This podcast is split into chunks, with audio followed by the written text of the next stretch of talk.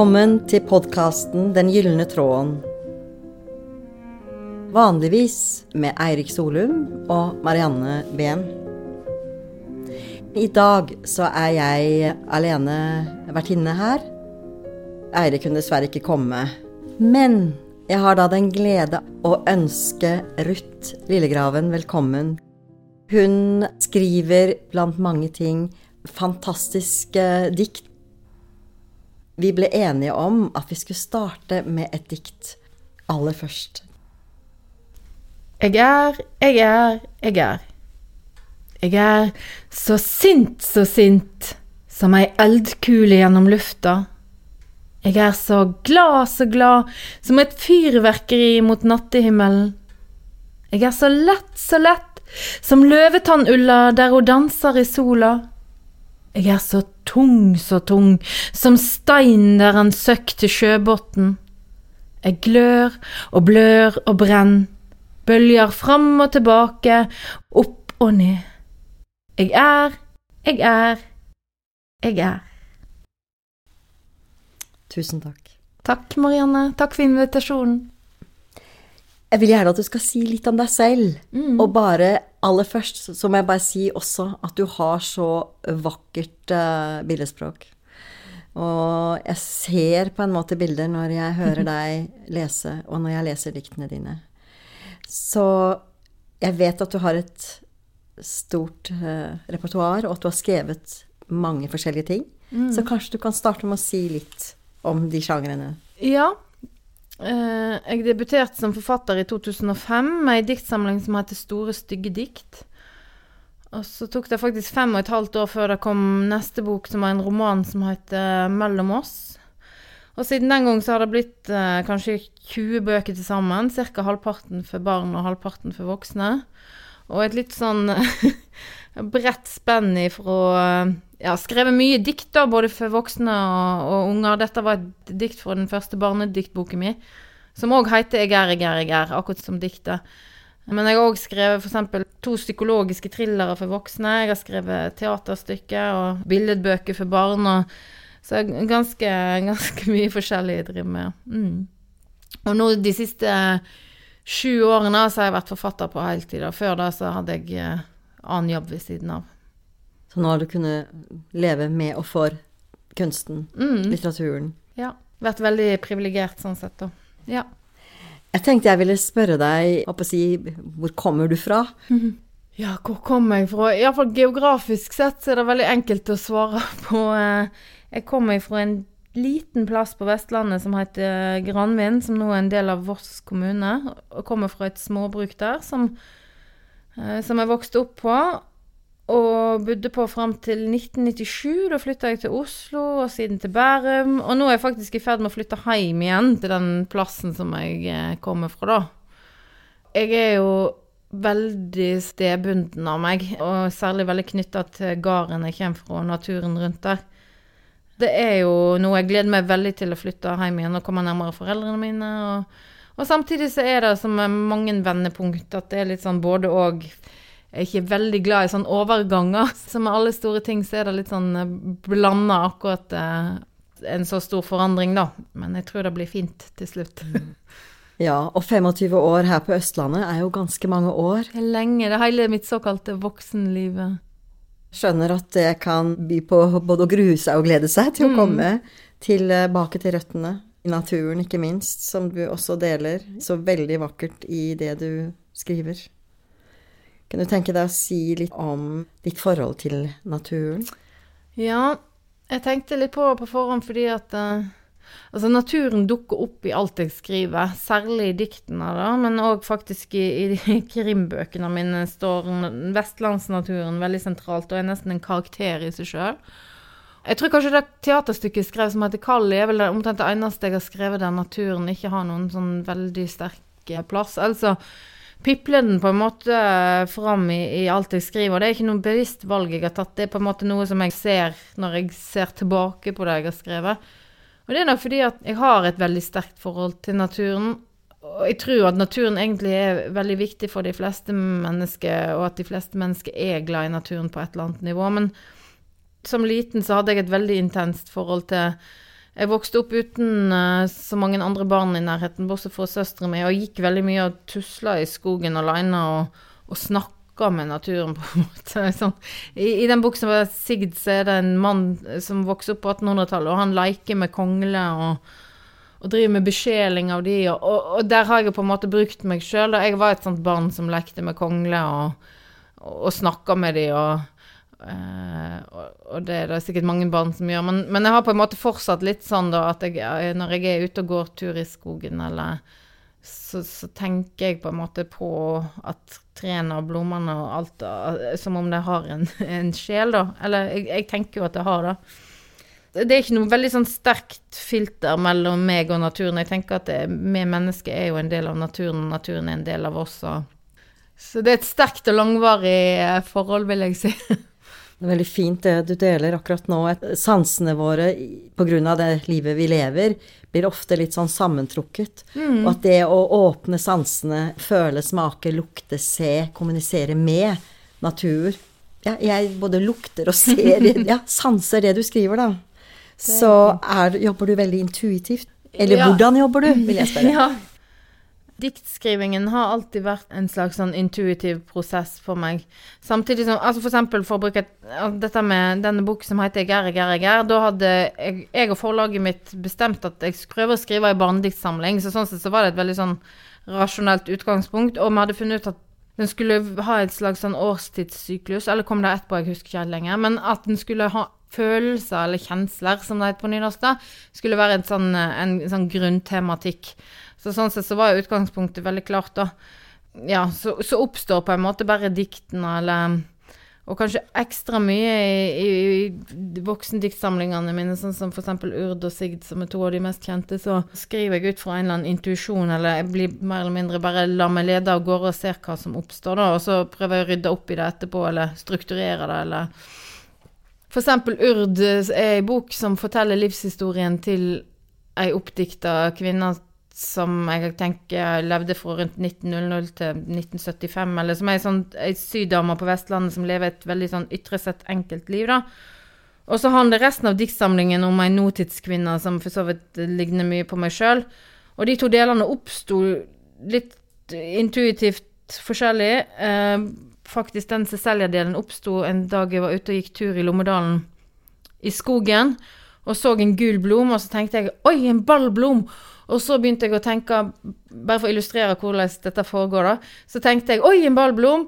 Og så begynte jeg å tenke at en gang for lenge siden da hadde det vært født ei jente som endelig fikk en liten bror som, skulle, som de kalte for Bror Ballblom, som sånn kjælenavn.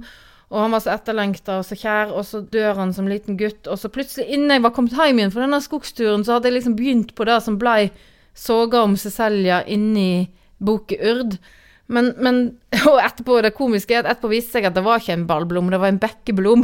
men det var en annen gul blom, da. Ja. Men, men, egentlig så, så, pleier jeg alltid å si at hadde det ikke vært for den der ballblomen, så er det ikke sikkert at hele den der Eller ballblomen som var en bekkeblom, så er det ikke sikkert at hele den der Urd-boka hadde kommet til meg, da. Men sånn helt i sluttfasen av arbeidet med den boka, så måtte vi jo finne en måte å sy sammen den delen av den som handler på en måte om, om en slags Eh, person som ligner på meg, Cecilie, og den gamle delen, da. Og da fant vi ut at det skulle være et hus som bandt de sammen, da, at den ene arva hus til den andre.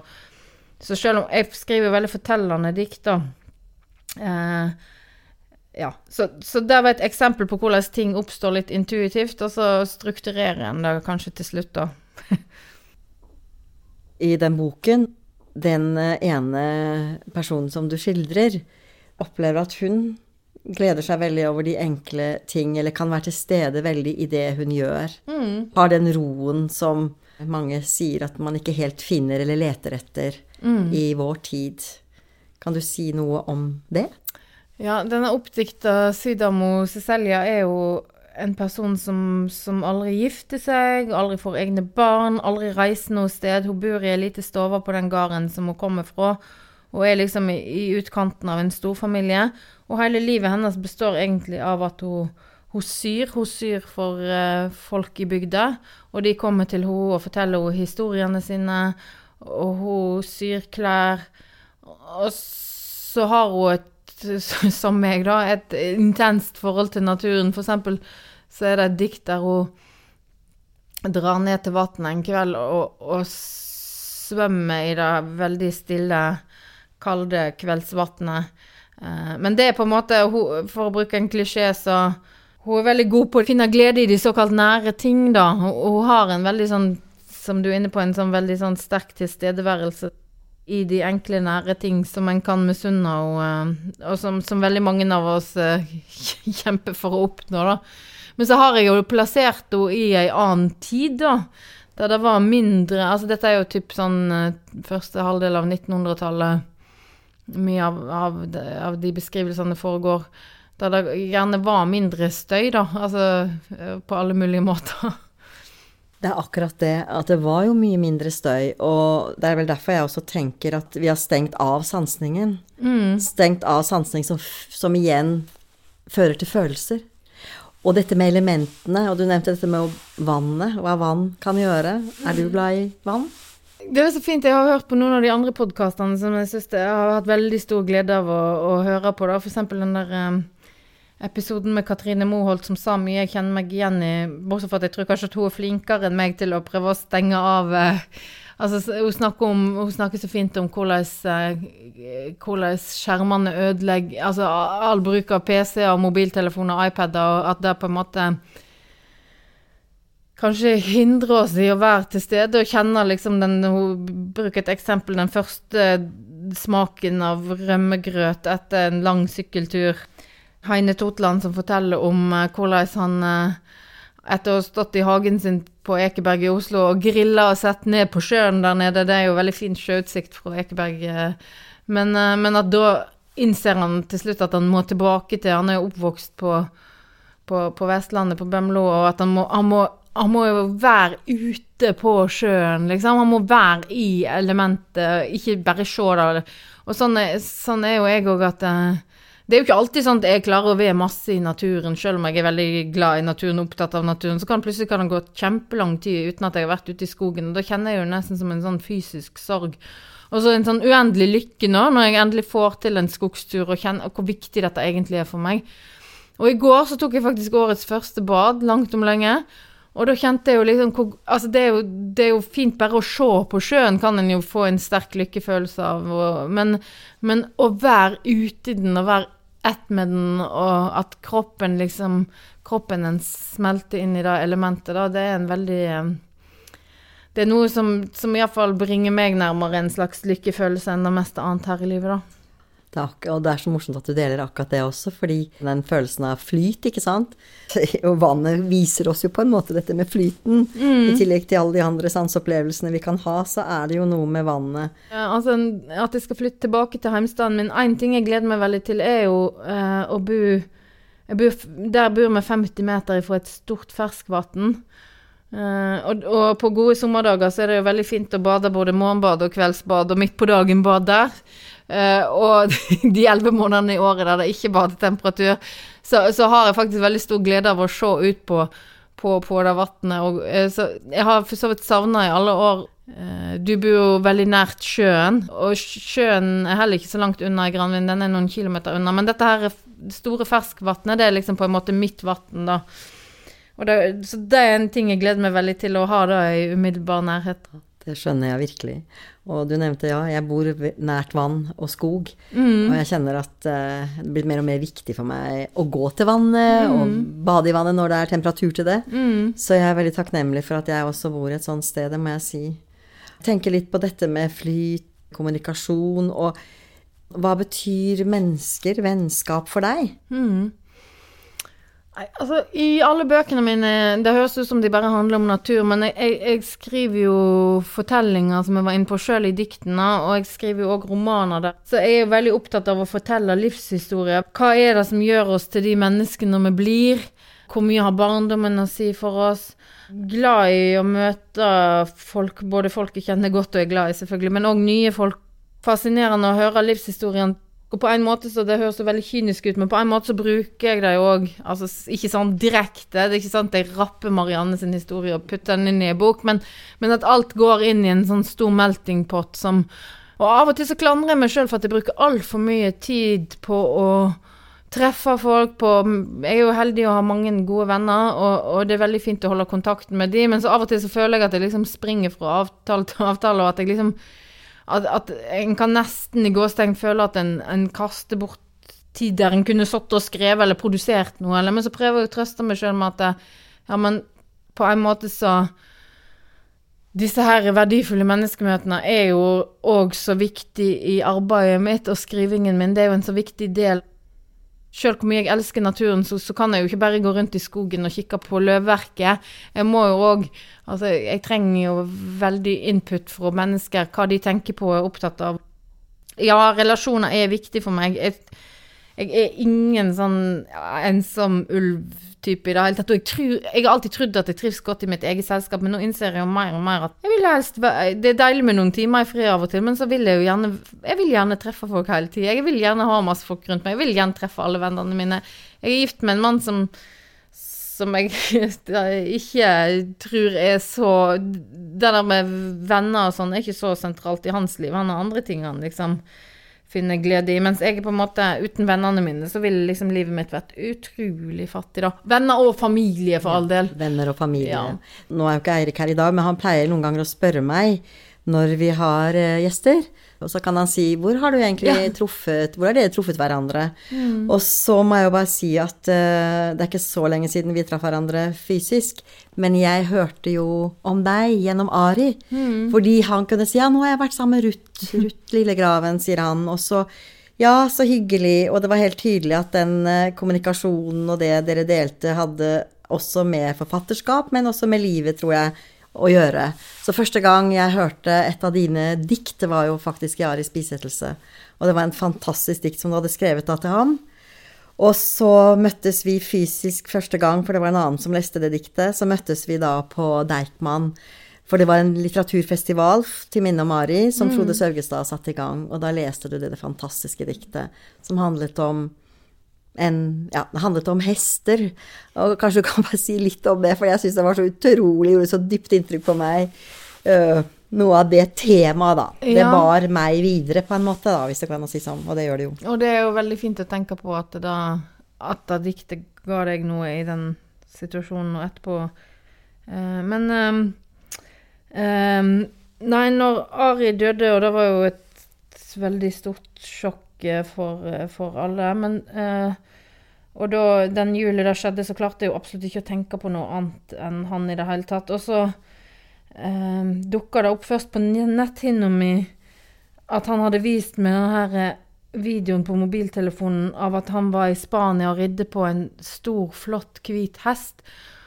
Og jeg huskte veldig tydelig dette her eh, klippet det var vakker natur, det var vakkert lys, og han så så glad og sterk og flott ut. Og han satt oppå denne fantastiske hesten og rei liksom på en måte nesten inn i solnedgangen, da. Og så, og så etter hvert så fikk jeg rent fysisk se da klippet, fordi at uh, Magnus Rønningen, som han hadde vært hos da i Spania, sendte meg da klippet.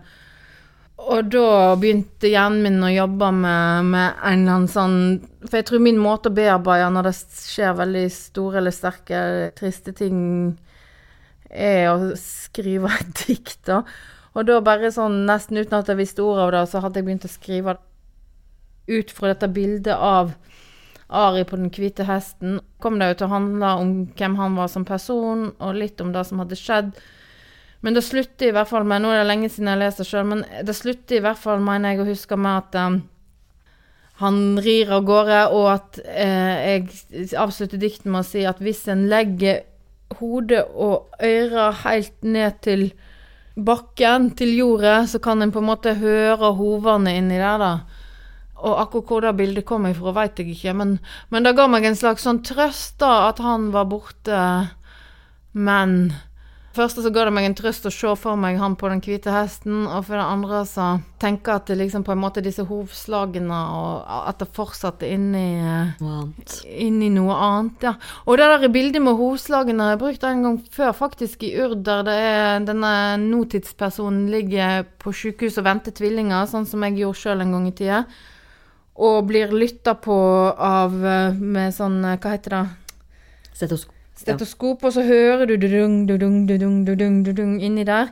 Og når det er to hjerter inni der, så blir det jo dobbelt sett med hovslag, på en måte. Og jeg beskriver i et eller annet dikt i Urd hvordan en hører disse her eh, hovslagene bortover noen sletter. Så, sånn sett så har jeg brukt det for så vidt både altså det, det, Sånt gjør jeg ofte, da. Gjenbruker bilder og en, igjen litt sånn ubevisst låner meg sjøl og jeg var ikke egentlig før nå det slo meg at det er sammenhengen mellom Men da har jeg jo brukt det både til, til å på en måte beskrive den her utgangen på den hvite hesten, men òg til å beskrive egentlig mine egne sønners uh, inngang Eller sånn Når de lå Så det er jo begge deler av uh, det, Begge ender av livet, da, som, som, som, jeg beskriver gjennom de hovedslagene. Og det er jo kanskje egentlig et veldig godt eksempel på at, at intuisjon eller underbevissthet er liksom en, en veldig sterk Eller en viktig del av, av hvordan jeg jobber, da. Ja, dette med hjerteslagene som kan høres ut som hover. Eh, og da, som du sier, du fikk tvillinger. Dette kraftfeltet da, å få to To, to ja. stykk barn. Og så dette med dette som kom tilbake som bilde med disse hovene. Og det var egentlig etter denne opplesningen som du hadde på Deichman, kommer jeg på nå, så var det da en journalist, en kvinnelig journalist som hadde fulgt Ari til LA.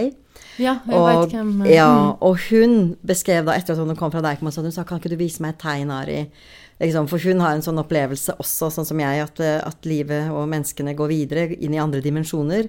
Og så hadde hun plutselig hørt hovslag på kvelden, på natten. Og da var det en som kom med, med en hest mm. bak henne. Og det var liksom Er det mulig? Så, da, det, så bildet, det bildet ditt, da, som du ga, det virket videre. Det er veldig uh, fint og, og sterkt. Og se Ari for meg på denne hvite hesten, mm. på disse store liksom områdene, da. Og en frihet i det. Oppå den hesten så utstråler han jo en veldig sånn er på et godt sted, da, bokstavelig talt. Og veldig apropos i pakt med naturen og hesten som han sitter på. ja. Et fint indre bilde å ha, tenker jeg. Mm. Det er det virkelig. Du nevnte dette med et ganske stort vendepunkt tilbake til hjemstedet ditt. Og du har jo en stor familie mm. med, med, barn, og nå et lite Nyfødt, nesten, ja. barn. Ja. Jeg tenkte på når du eh, skulle tenke gjennom store vendepunkt i livet mitt, så et av de var jo når jeg eh, Jeg flytta sammen med mannen min høsten 2010. Og da hadde jo han to barn fra før, som da var ni og sju cirka. Som jeg da flytta sammen med. Og så gikk det halvannet år, og så fikk jeg disse tvillingguttene som i ørd ligger i magen, hvis en skal gjøre det forenkla litt, da. Så da hadde jo plutselig på halvannet år gått fra å bo alene og være relativt sånn fri og frank selv om jeg hadde en kjæreste, til å liksom bo sammen med mm, iallfall deler av tida fire barn, da jeg vet ikke om jeg reflekterte over det da, men etterpå så hadde det jo slått meg at det var en relativt stor omveltning fra null til fire barn å ha iallfall delvis ansvar for, da. Så har jeg jo nå da fått en, en bokstavelig talt en attpåklatt, da. For et halvt år siden i dag, faktisk, så fikk jeg ei lita jente som het Synva. Da var jeg jo over 43 år gammel, så var jeg jo ei godt voksen mor. Men uh, det har vært et uh, tøft halvår på mange måter, men, men, hun har jo bare vært en, en, stor glede og fryd. Og nå er det jo selvfølgelig, som det sikkert gjerne er, helt umulig å forestille seg livet uten hun. Men det er jo òg et slags sånn vendepunkt å begynne på'n igjen med å ta hun med til Vestlandet, da, det er jo en veldig fin ting at hun skal Foreldrene mine har jo aldri hatt uh, barnebarn i daglig nærhet. At de skal faktisk bo i samme tunet. I starten så kommer de til og med til å bo i samme huset, mens vi venter på at vårt hus blir ferdig. Så på en måte så er det, uh, apropos den gylne tråden og, og Cecilias vev og Altså det er jo på en måte trådene som samles, da, ved at jeg på en måte returnerer til utgangspunktet, for å si det sånn. Ja, det er noe veldig fint i det. Så det er jo faktisk en gyllen tråd i det å da vende tilbake til mm. et utgangspunkt, men, men, på en ny måte, med mange opplevelser som du selvfølgelig har med deg. Ja, 25 år. Jeg tror det kommer til å være omtrent Jeg tror 18. august skal mine to sønner begynne i 5. klasse i Granvin, altså på en ny skole. Og da er det omtrent akkurat på dagen 25 år siden jeg flytta. Og apropos, for å illustrere dette her med vann og hva det betyr for meg, da. Jeg husker faktisk det var sommeren 1997 var en veldig varm og fin sommer. Og kvelden før jeg skulle ta nattoget til Oslo og begynner på studiet dagen etterpå, faktisk. Så det var en veldig sånn brå eh, overgang, eller sånn lite tilvenning. Jeg skulle begynne på skolen på en mandag, og søndag kveld skulle ta nattoget. Jeg hadde jobba fram til da, og far min skulle følge meg bort med toget, da. Men da var jeg ute og svømte i Granvinsvatnet den kvelden. Det var en nydelig kveld, nydelig lys. Vannet var helt stille, og det var så varmt, 25 grader i Granvinsvatnet. Og jeg husker en sånn overveldende følelse av Jeg skal flytte, jeg vil ikke flytte, dette er en tabbe, jeg skulle aldri ha gjort det, liksom. Og sånn der, Jeg vil jo ikke bort herifra. Altså sånn, Jeg vil jo bare være her. Og så nå i ettertidens lys er jeg jo kjempeglad for at jeg flytta og opplevde alt. Altså hele livet mitt som har skjedd de siste 25 årene, jeg ville jo ikke vært foruten noe av det.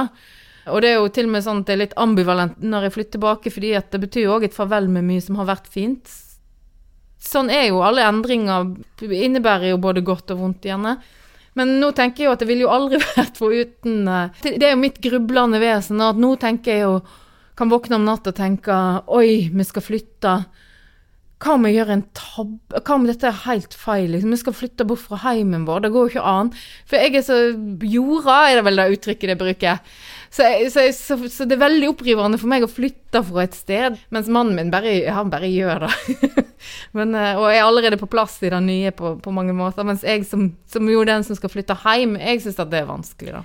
Og det er jo så interessant, for du beskriver jo noe av dette som er vendepunkter virkelig i livet. Og det er jo noe med å gjøre disse valgene og så kan man jo gruble litt eller lure på om det er riktig eller galt. Og så Det vet man jo bare når man har gjort det. Ikke sant? Så når man har tatt skrittet inn i dette vendepunktet, da, som det jo i hvert fall er etter så mange år for deg Og du brukte ordet jorda, det er litt morsomt, for nå ser jeg jo tilbake på disse episodene vi har hatt, da. Så både Katrine Moholt, som var i første episode, hun kommer jo også fra en gård. Og kjent meg ja. igjen i så mye som hun sier da. Ja. Og Heine Ja, og Heine som da også virkelig fikk en sånn uh, åpenbaring på at han også trengte, og, eller ville og ønsket komme tilbake til sin uh, hjemmegård, da, mm. eller til sitt hjemsted. Og vi går jo på en måte i dialog med Det er jo gjerne så Ja, en kjenner seg igjen i det. Jeg kjenner meg igjen i mye av det som blir sagt i de andre podene.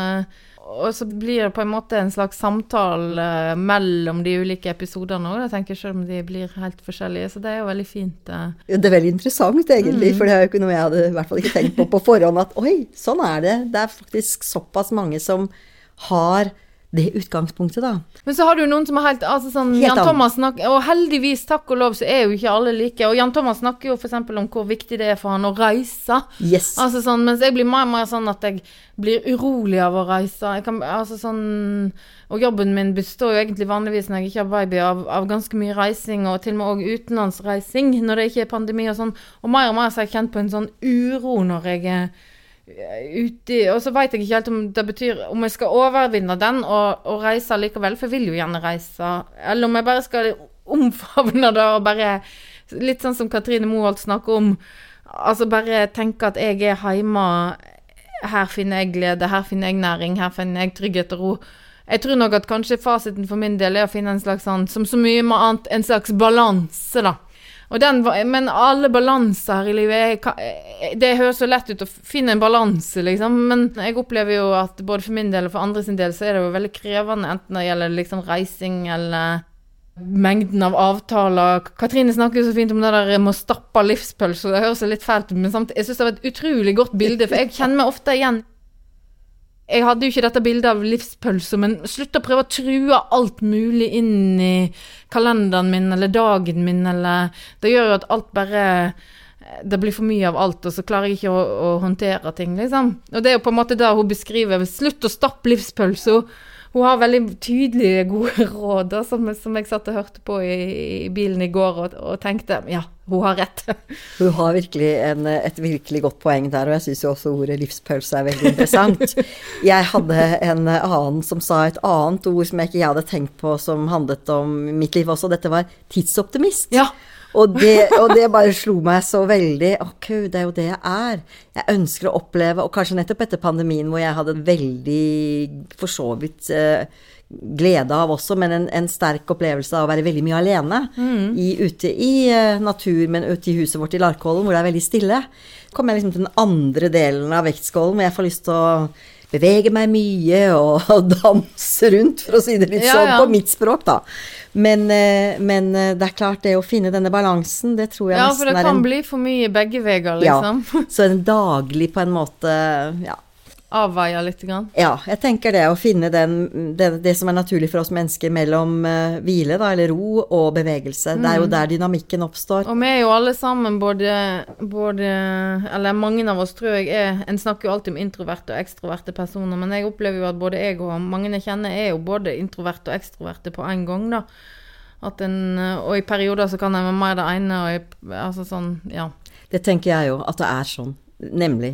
Og noen ganger så er behovet der virkelig for å, å ja, tilstedeværelse med sin egen introverte del, da. Mm. For å kanskje hente inn eh, ja, nære seg, fordøye, reflektere. Og så er det det andre, og det som du sa i sted også, jeg trenger jeg trenger jo de andre menneskene for å liksom føle man er levende og inspirert, ikke sant? Og samtidig, den livspølsa Som er viss humorøver, humor over det, og det er jo ikke mitt uttrykk, men derimot så har jeg ofte tenkt at hvis jeg er for mye med folk, og, og hele tiden snakker med folk, og hører min egen stemme, og hører andres stemmer, og, og aldri får hvile fra det, så har jeg tenkt Jeg blir svett i hjernen. Det er på en måte et mitt Altså sånn Og det er òg noe som skjer når en stapper livspølsa for hardt. At det, eh, og du har jo mer, mer vakrere uttrykk på dette her, men ja, en trenger hvile, en trenger restitusjon, en trenger bearbeide og filosofere og, og gå inn i seg sjøl, ikke minst, da. Og så, ja, igjen så gjelder det å finne den balansen, da. Det gjør det, og det er sant, altså. Og det er ikke bare enkelt. Jeg syns jo heller ikke at det er bare enkelt. Man må på en måte Ja, man må Det er litt sånn trening i det òg, nesten. Mm, men jeg er òg sånn tidsoptimist og tror hele tida at jeg skal rekke mye mer enn jeg rekker, da. Og blir frustrert over meg sjøl når jeg ikke rekker alt jeg tror Eller jeg oppdager at jeg får dårlig tid, eller Ja. Ja, det er sånn. Jeg tenker litt på balanse igjen, ja. Dette med, med å være til stede der man bor og ha hva skal jeg si, røtter i generasjoner bakover. Som jo er noe du har, og som Katrine hadde, og som Heine hadde, og som vi alle har, på forskjellige måter, selvfølgelig. Du nevnte for meg faktisk i sted at du har røtter tilbake langt eh, der i Granvin, men du hadde også noen andre røtter som var nytt for meg. Ja. ja, og det er jo nesten nytt for meg òg, for jeg glemmer det stadig vekk. Men mammaen min er jo nederlandsk. Snart 50 år i Norge, men, eh, men vokste opp i, i Nederland. På morssida hennes så har vi slekt fra to helt ulike kanter av verden. Det var min oldefars slekt som først kom fra Libanon og innvandra til Surinam, og så innvandra de til Nederland. Jeg har faktisk et bilde av min tippoldemor, eller tipptippoldemor, hun heter Elisabeth. Og hun var veldig, veldig eh, mørk. Og det er jo fantastisk at det i hele tatt fins et bilde av henne. Og visstnok uh, Det bildet er fra ei bok, og i den boken så står det om bakgrunnen hennes og sånn, og det står blant annet om at hennes foreldre var slaver da i, i Surinam. Så Dette er jo veldig eksotisk og litt surrealistisk for meg òg, men, men, men min mormor eh, som jo var nederlandsk, hun var veldig mørk. Altså, det var jo hennes far som da var innvandrer fra Surinam. Eh, så, det er jo ikke så veldig fjernt, egentlig. Dette er jo sånne ting som jeg tenker veldig lite på, eller har fjernt forhold til. Og, og nesten glemmer Det var veldig tilfeldig at det kom fram i stad. Mens for eksempel eh, slekt i Granvin der jeg kommer fra, fordi at jeg har vokst opp i huset deres eh, Jeg har stelt på gravene deres på kirkegården. Jeg vandrer rundt på den kirkegården og snakket med de som liten. Jeg har sett bilder av de, og jeg har sett bunadene der. Altså sånn, de er så levende for meg da, at jeg nesten tror at jeg kjenner altså, Jeg har oppkalt min lille datter Synva etter min tippoldemor, som òg heter Synva, da, naturlig nok. Og, så disse, disse personene er veldig sånn tilstedeværende i mitt liv, selv om de ikke har levd på lenge. Mens på en måte den nederlandske slekta er, er, er fjernere for meg, da. Men det er så interessant dette med disse vandringene som mennesker har gjort gjennom tidenes tann og vann, da. Og kanskje dette med denne, denne store livsveven som blir dannet, da, både i nutidig liv, men også med bakgrunn i, i generasjoner, da. ja, hvor kommer de fra? Det syns jeg blir mer og mer spennende. Hvor kom de fra? Også... Ja, og du fortalte jo at din familie hadde jo òg bakgrunn fra, fra langt tilbake fra Surinam, Ja. så det er, jo, det er jo en så rar tilfeldighet at jeg tenk- tenker at det kan kanskje forklare at Ari og jeg i sin tid ble, ble kjent og ble venner. Altså, Den rasjonelle forklaringen er jo at vi ble introdusert av ei felles venninne, men, men ja, da, kanskje Ja. det er våre surinamske aner som, som gjorde at vi fant uh, mm. Ja, for det det som var vår var jo, Afra Behn var jo en av de første kvinnelige forfatterinnene. Og Suriname er ikke et sånt eh, land som jeg har hørt så veldig ofte om. Det er jo ikke et veldig sentralt Nei. land i verdenshistorien, nei. Så det er jo litt artig at, det, at våre veier holdt på å si krysses der. Ja, det syns jeg. Og så var det også sånn, du delte jo Altså, Ari har jo skrevet denne boken 'Tiger i hagen'. Den ble jo veldig populær og godt mottatt, og fortsatt så er jo mange som gjerne vil lese i den boken. Men han malte jo et uh, bilde som het Tiger. Tiger. Tigeren. To stykken. Det ble jo ja, lagd trykk av disse to tigerne, og, det er så fascinerende, denne tigeren som da kan, s- liksom står og ser på en nesten. Og det var en kvinne som sa ja, hun står på, oppe på øverst i trappen, og jeg ser liksom følge meg. Og jeg vet at du da har en liten historie om akkurat det, Ja. som jeg syns var interessant. Jo, dette var jo Den boken ble den siste novellesamlingen hans, og den kom vel ut, så vidt jeg husker, i 2016 eller noe sånt. Og det var akkurat i den perioden Ari og jeg hadde mest med hverandre å gjøre. Men bodde jo begge i Lommedalen og pleide møtes og drikke kaffe på Bermsverk. Så fikk jeg jo lese Jeg husker ikke om jeg leste manus på hele boken, eller om jeg bare leste den første novellen. Men den heter da 'Tiger i hagen'. Og da hadde han tenkt at boken skulle hete noe annet. Eh, og så var det jeg som sa at ja, men jeg syns den 'Tiger i hagen' det er så sterkt bilde, og den novellen er så god, og Kall boken 'Tiger i hagen'. Ja, kanskje det, sa han. Og så gikk det så kom han tilbake og sa at han hadde klarert det med forlaget, og at boken skulle hete 'Tiger i hagen'. Men det pussige er at da han hadde tenkt å kalle boken si, det var uh, Og jeg husker ikke lenger forklaringen, men det var jeg husker tittelen, og det var 'Sølvtråden'.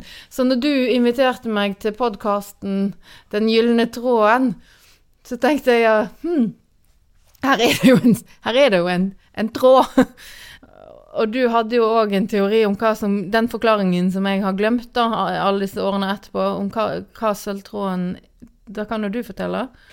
Ja, det var jo veldig interessant, for det var jo noe jeg hørte først nå, ikke sant? Dette med sølvtråden. Jeg vet at jeg har noen notat, en eller annen notater som han har skrevet bare liksom kort om sølvtråden, uten å forklare noe særlig, så jeg visste jo ikke det. Så det er veldig pussig at, ble at vi ble å kalle podkasten Den gylne tråden, som jo handler om selvfølgelig livsveven. Men eh, jeg vet jo fra mitt eget, og for så vidt fra våre samtaler, Harry og mine tidligere, dette med han sier jo det at når et menneske dør, så er det den sølvtråden den enten ryker eller den på en måte løsriver seg. At det er som man går ut i de andre dimensjonene, og så slippes sølvtråden. Slipper man sølvtråden, som da har vært forbindelsen mellom denne siden og de andre sidene. Og, så det er jo en spennende Ja. Og det var nok antageligvis, når du sier det, så er det jo langt bak i underbevisstheten en eller annen sånn uh, bjelle som dirrer at det var nok, var nok antageligvis Det gremmer meg jo at jeg ikke husker eksakt hva han sa om den tittelen. Det, var nok- det var nok det som var forklaringen, eller bakgrunnen, da. Det fører meg til et av de andre spørsmålene som vi ofte pleier å stille, og det er jo det Uh, Tror du at det finnes en intelligens bak tilfeldigheten i livet? Ja uh, Jeg håper jo det. Jeg tror vel kanskje det. Men jeg syns sånne spørsmål er utrolig sånn svimlende og, og vanskelig å svare et sånn helt klart ja eller nei. Eller jeg har på en måte ikke fasiten.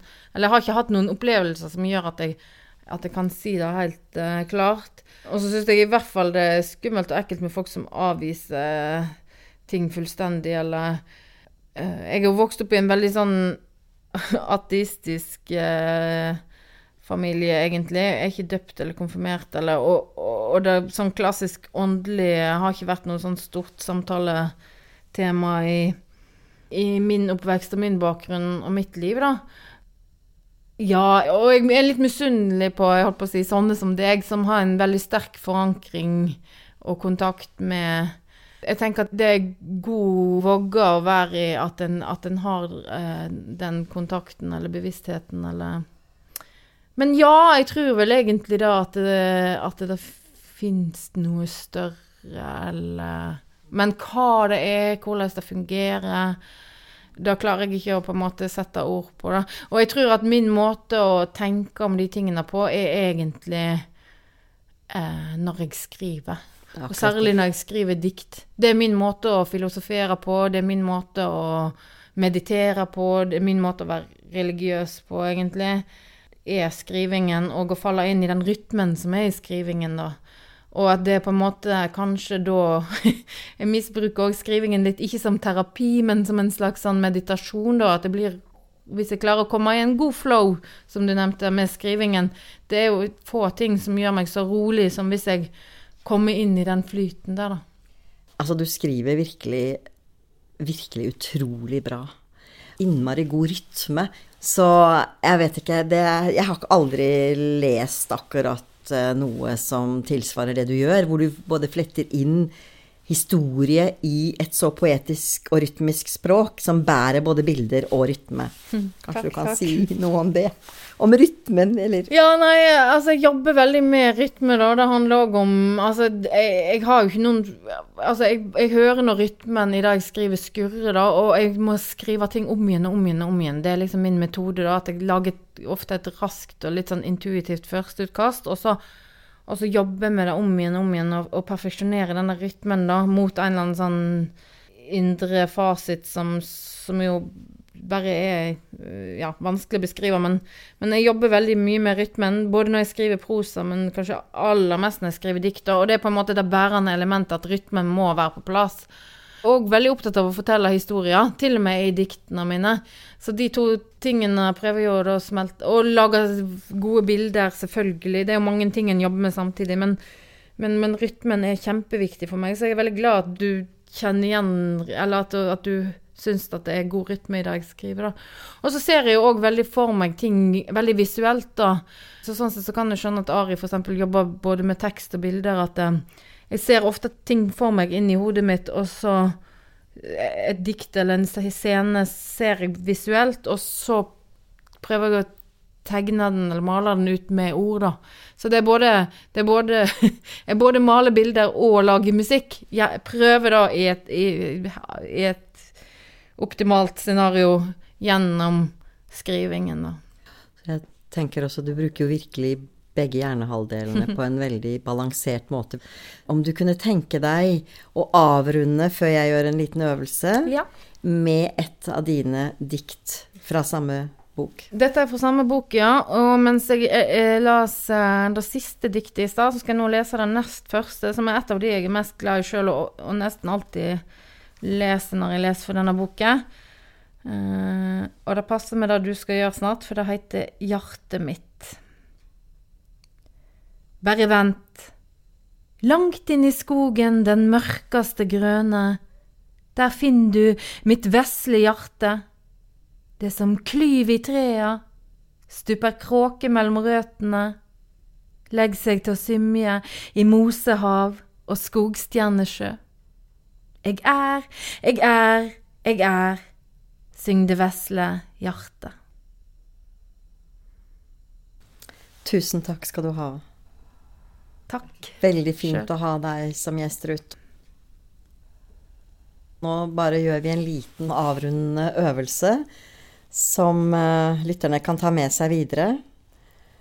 Og da er det selvfølgelig viktig at du som lytter på, ikke kjører bil, f.eks. Men uh, er et sted hvor du kan sette deg rolig ned og bare sitte, ligge, stå. Men uh, legg hånden på hjertet ditt. Over hjertet, fysisk. Og bare kjenn hvordan det er å holde hånden over hjertet. For det er nemlig sånn at hvis eh, vi gjør det over kanskje inntil tre minutter, så vil det oppstå en kommunikasjon mellom hjertet og hjernen. Og da er det hjertet som snakker først til hjernen. Og det er en måte å bringe seg selv til ro. En slags indre balanse i denne lille, lille øvelsen. Særlig hvis man gjør det litt flere enn én gang. Mens du holder hånden, se gjerne for deg Kjenn gjerne inn. Hva er det som gir deg ja, takknemlighet, rett og slett? Hva har du å være takknemlig for akkurat nå. Og la nå ditt eh, indre eller din ubevisste eller underbevisste del få snakke. Er det noe i dag La det gjerne bli en tre forskjellige ting som du kan ta frem fra ditt indre. For når du begynner å lytte på den måten, så vil du komme i kontakt med den, ja, kall det gjerne høyre hjernehalvdelen, eller den dypere indre delen av deg selv.